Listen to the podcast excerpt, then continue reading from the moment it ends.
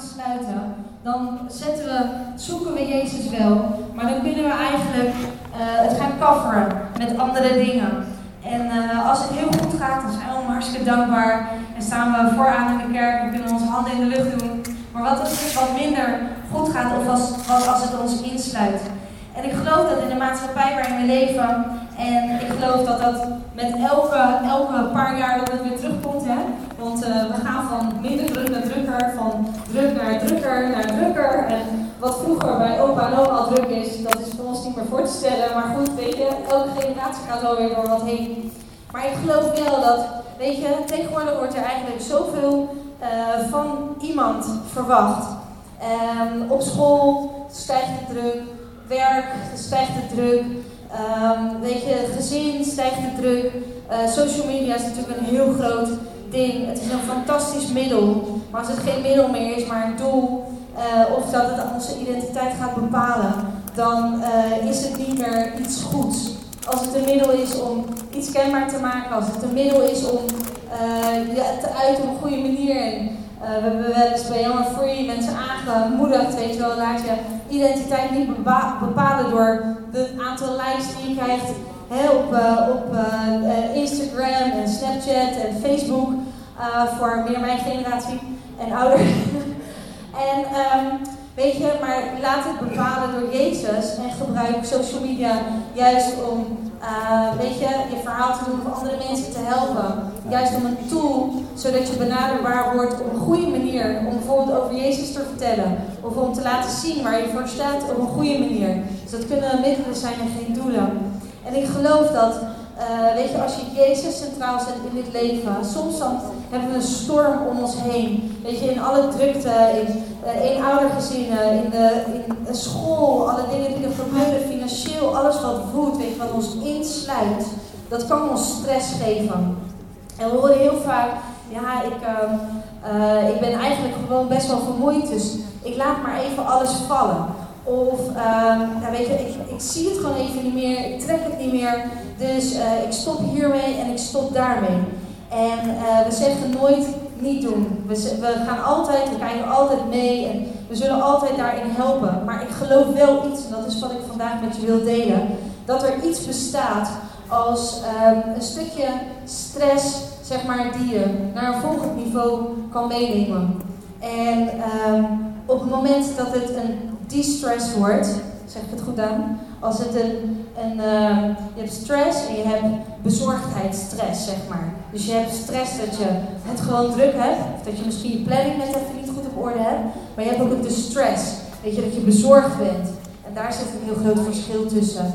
En ik geloof dat het stukje stress, hoe we dat kunnen noemen, dat dat een stukje kan zijn wat God juist wil gebruiken om jou mee te nemen, om jou te stretchen, om jouw tentstokken uit te zetten, jouw tent pinnen, om jouw tent, om jouw ruimte, om jouw ruimte in je hoofd, in je leven, in, in, jou groter te maken eigenlijk, geestelijk, in het koninkrijk van God. En dat stukje distress, de stress, zeg ik het goed, Lexie, zeg ik het goed? Ja, de stress. de stress, dat het, dat het stukje bezorgdheid zit erin. Er zit een stukje angst in, er zit een stukje streven in, er zit een stukje gaan uh, in niet de kracht van God. En ik geloof dat dat dat het stukje is, dat verschil, waar ik jullie echt vandaag mee wil bemoedigen. En ik wil ook straks bidden dat God daar gewoon in gaat komen. En uh, ik heb een, uh, een, een uh, tekst die ik nog even met jullie wil delen. Het staat in Psalm 143, vers 10. Teach me to do your will, for you are my God. May your good spirit lead me on level ground. May your good spirit lead me on level ground. Ik geloof dat er maar één is die jou on level ground kan leiden. Ik geloof dat er maar één iemand is en dat is Jezus. Die jou op het goede, op het rustige, op het rechte pad kan hebben. En weet je, God geeft allemaal uh, wetten, hij geeft principes, hij geeft regels, weet je, hoe we kunnen leven. En uh, ik geloof juist in een tijd als deze, wanneer we, er zoveel op ons afkomt, zoveel dingen. Ik bedoel, als we alleen naar het hele time management en de hele planning. Weet je wel, voordat we een week beginnen, ik weet niet hoe het met jullie zit, maar ik moet altijd op maandag, eigenlijk al het liefst eergisteren, moet ik mijn week toch een beetje gaan doornemen. Al moet ik ergens in het midden van de week niet knel komen te zitten of zo. Weet je, ik geloof dat dat de maatschappij van tegenwoordig is. En ik geloof dat we daar ook zeker in mee moeten gaan. En dat we daar zeker in mogen groeien. Maar er is een verschil tussen stress, een stukje stress wat God wil gebruiken om je te stretchen, en distress. En uh, weet je, er zijn een aantal dingen waar je, waar je aan kan herkennen. Weet je, uh, sta je lekker in je vel. Weet je je identiteit in Jezus. Dat is zo belangrijk. Op het moment dat je weet wie je bent. Als je weet van ik ben een dochter, ik ben een zoon van God. Weet je, dan is dat is je startpunt. Dat is je uitgangspunt. God, je weet wie je bent in Hem. Je weet dat je in Hem alles hebt. Je weet dat je in Hem geen angst hoeft te hebben. Je weet dat Hij voor je zorgt. Al die dingen die, weet je, die we weten vanuit Gods woord. Daarom is Gods woord zo belangrijk. Vul je leven, vul je lichaam, vul je hart, je ziel, je, je verstand, je oren, je ogen met het woord van God. En oh, we weten maar al te goed, en ik weet dan ook, weet je, dat Netflix zo lekker is. Op het moment dat je thuis komt en het was even, weet je, even een filmpje kijken. Maar weet je, als we dat doorzetten en dat neemt de overhand in je leven, en we kennen dat allemaal, dan is dat wordt je nummer één eigenlijk in je leven. Dat is waar je in gaat vechten en dan ga je dingen verdoven. je kan zoveel verdoven met zoveel verschillende dingen. We hebben natuurlijk eten, we hebben, nou ja, weet je, noem maar op, eh, tv, dat zijn dan nog de redelijke dingen. Ga maar verder, ga maar verder. Op het moment dat je weet van, ik heb iets van stress, ik, ik, uh, ik, ik, weet je, ik weet het even niet meer, ik wil eigenlijk de deur dicht trekken, ik zie het niet meer zitten, of ik wil stoppen met van alles. Ga, kijken van wat heb ik nou eigenlijk voor me? Wat heb ik voor me? Weet je? Ga, ga kijken wat echt de prioriteit is. Wat is hetgene wat overblijft dat echt belangrijk voor je is? Wat is echt belangrijk in je leven? En misschien is dit wel bijna een soort van coach spreek. Maar weet je, het is zo'n uh, het is zo'n topic van tegenwoordig. En weet je, het stukje stress en uh, de stress ik wil je daar echt in bemoedigen. Ga kijken, weet je, waar je zorgen van krijgt, waar je angst van krijgt, waar je eigenlijk in eigen kracht dingen aan het doen bent. En dat te scheiden, dat te zeggen van nee, daar ligt de lijn. Je kan wel zeggen dat is het stukje van de vijand, want alle angst en alle, weet je, depressie en dingen, dat is niet van God. En het stukje stress waar je ervaart dat je eigenlijk een beetje wordt opgerekt, dat je denkt van, eh, het voelt oncomfortabel. Ken je dat? Nee, jullie niet. Ik ben één. Oncomfortabel. Dat je wordt gestrest. Dat je denkt van wat is dit, weet je wel? En je wordt er vermoeid van. Omdat je misschien wel aan het vechten bent ertegen. Of dat je denkt van wat gebeurt er? Misschien moet ik daar iets loslaten. Misschien moet ik daar wat opgeven. Maar als je dat stukje stress gaat onderzoeken. En denkt van hé, hey, maar wacht even. Laat ik naar God gaan. Laat ik kijken wat dit stukje is. Is dit stuk iets waar God mij iets over wil vertellen? Wil God mij misschien groter maken? Welk gebied neemt Hij mij nu mee naartoe? En stap daarin uit. En ik kan je garanderen. Ik kan je garanderen. Ik kan je beloven. Hij maakt je groter. En opeens gaan er nieuwe deuren open. Vaak als je een deur dicht wilt trekken, ligt daar een hele grote zegen aan de andere kant. Dus ik moedig je aan. Ik daag je uit te staan aan het begin van het nieuwe seizoen. Trek die deur niet dicht. Trek die deur niet dicht. Hou hem open. Pak, Gods hand vast. Kijk of het een stukje is waar hij je in mee wil nemen. Kijk of het een stukje is of hij je groter wil maken op een gebied. En dat stukje de stress, ik wil een klein stukje over vertellen. We hebben, uh, onze dochter heeft diabetes. De meeste mensen weten dat hier, maar als je nieuw bent is het misschien nieuw even voor je. Uh, sinds anderhalf jaar. En uh, weet je, ik moet zeggen, de eerste nou, het is het jaar, denk ik, zoiets. Uh, we werden eigenlijk een stuk geleefd, we gingen er mee. God is goed, weet je, hij komt door, weet je, we zijn gedragen. En dat is zo. Dat is, dat is nog steeds zo. Alleen op een gegeven moment, zoals jullie misschien weten, als je iets verliest, of iemand verliest, of een baan verliest, of een stukje ziekte, komt er vaak een stukje rouw bij kijken. Omdat je iets verliest wat je anders had verwacht eigenlijk. En uh, daarin, uh, alleen dit, dit alleen is al een teken, maar dat komt al ooit. en uh, Lydia Krof trouwens, die hier zit, die doet af en toe een, uh, een, een cursus over rouwverlies. Dus als je hiermee te maken hebt, je geeft het aan. En als we weten van een aantal mensen, dan gaan we kijken of we een, een klasje kunnen maken, zeg maar. Ehm, maar wat we heel erg, wat ik persoonlijk heel erg merkte en waar God heel erg over ging spreken bij mij, was, ehm, ik merkte dat er ehm, naast de zorg voor haar, dat er een stukje zorgen bij mij kwam. En dan zeg je van ja, dat is toch logisch. Maar dat is op een bepaald moment logisch. En God ging daar wel heel erg duidelijk bij mij over spreken. Als je zeg maar, uh, ik heb nooit echte zorgen gekend. Ja, ik heb wel eens uh, een foute uitgave gedaan dat ik dacht, hmm, ik heb een stukje maand over. Hè, dat je dan een beetje zorgen kan maken. Uh, ja, ik heb wel eens uh, iets kwijtgeraakt dat ik dacht, oh jee, ik heb nu stress. Snap je? Niet de grote maakt stress, maar de stress van aangeven of zo. Je het. Um, dus dat. Maar echt het stukje zorgen, dat het echt gewoon in mijn binnenste kwam. Dat ik wist van, als er nu dit gebeurt, dan kan het echt gewoon ernstig zijn Joy. Of als er nu dit gebeurt. En ik ging me allemaal dingen in mijn hoofd halen, waarvan wat, ik zelf niet ken. Ik, ken dat, ik kende dat niet. En dat groeide eigenlijk vrij langzaam. Uh, dat ik uh, ineens iets zag van Zack. Maar Zack is helemaal niet ziek. En dat het gewoon een beetje aan het groeien was. En ik was erover aan het kletsen met God. En God die mij heel duidelijk zien. Ben, dit zijn echt verkeerde zorgen. Dit zijn de zorgen die je aan mij mag geven. Je kan zorg dragen voor iemand. Je kan een zorg hebben voor iemand. Je kan een gezonde zorg hebben over iemand. Zoals je je zorg over je kinderen hebt. Maar als de zorg zorgen worden, de stress, en het komt in je lichaam, op dat gebied kan dat een stukje zijn. Maar net als met zorgen, net als met boosheid, net als met uh, depressie, gaat het, blijft het niet in dat gebied. Het gaat in andere gebieden van je leven. En ik merkte uh, dat, dat er dus dingetjes in mijn hoofd gebeurden dat ik dacht, hé, hey, wat is dit? God ging heel duidelijk spreken. En het is eigenlijk een heel simpel antwoord. En dat is dankbaarheid.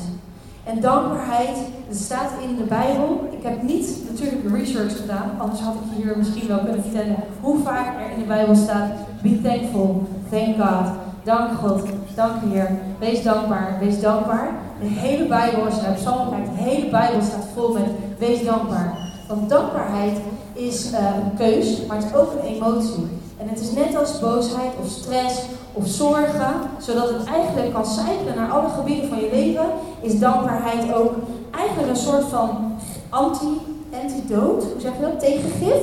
Het is eigenlijk een tegengif tegen al die zorgen, de, de stress, de, de angst, de, de boosheid, alle dingen. Dankbaarheid. Omdat dankbaarheid op een bepaald punt gebeurt. Ik ben bijvoorbeeld mega dankbaar voor Younger Free op dit moment.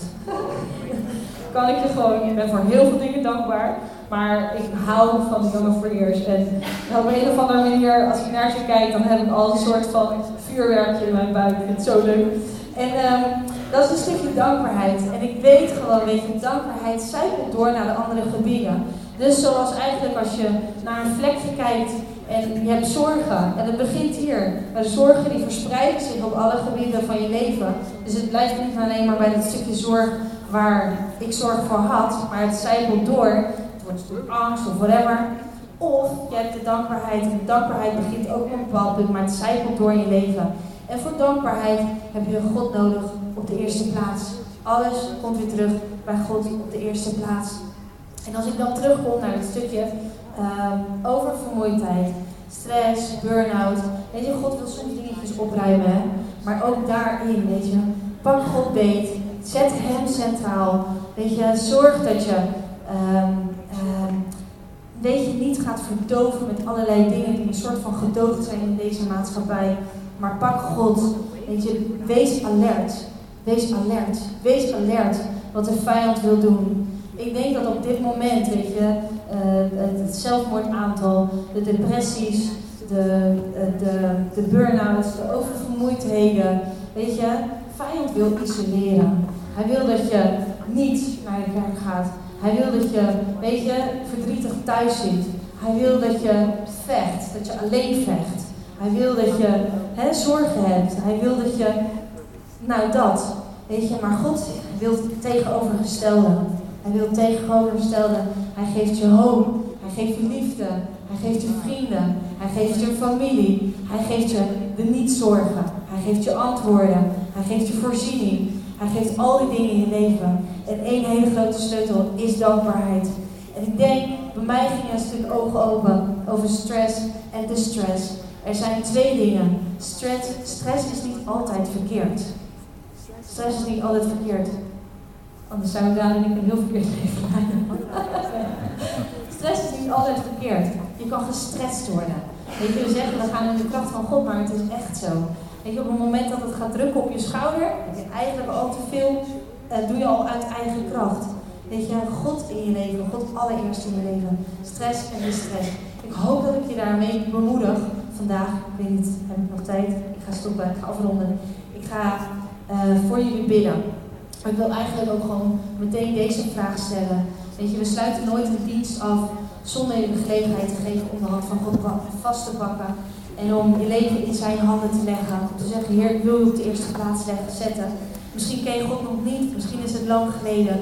Dan wil ik je zo de kans vergeven, de gelegenheid. Maar ik wil ook voor je bidden, als je dit ervaart, wat ik net noem. En als je daar een doorbraak in wil hebben. Als je het verschil wil zien, wat van God is en wat niet van God is. Weet je, God geeft onderscheiding. God geeft jou antwoorden.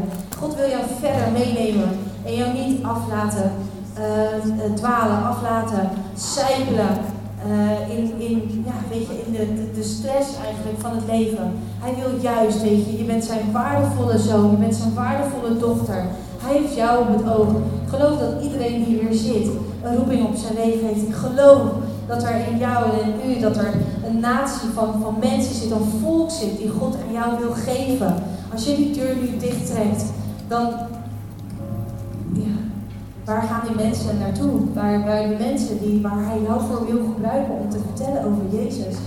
God spreekt er de laatste tijd zoveel over. Weet je, al die mensen die staan te wachten, die door jouw woord God gaan leren kennen.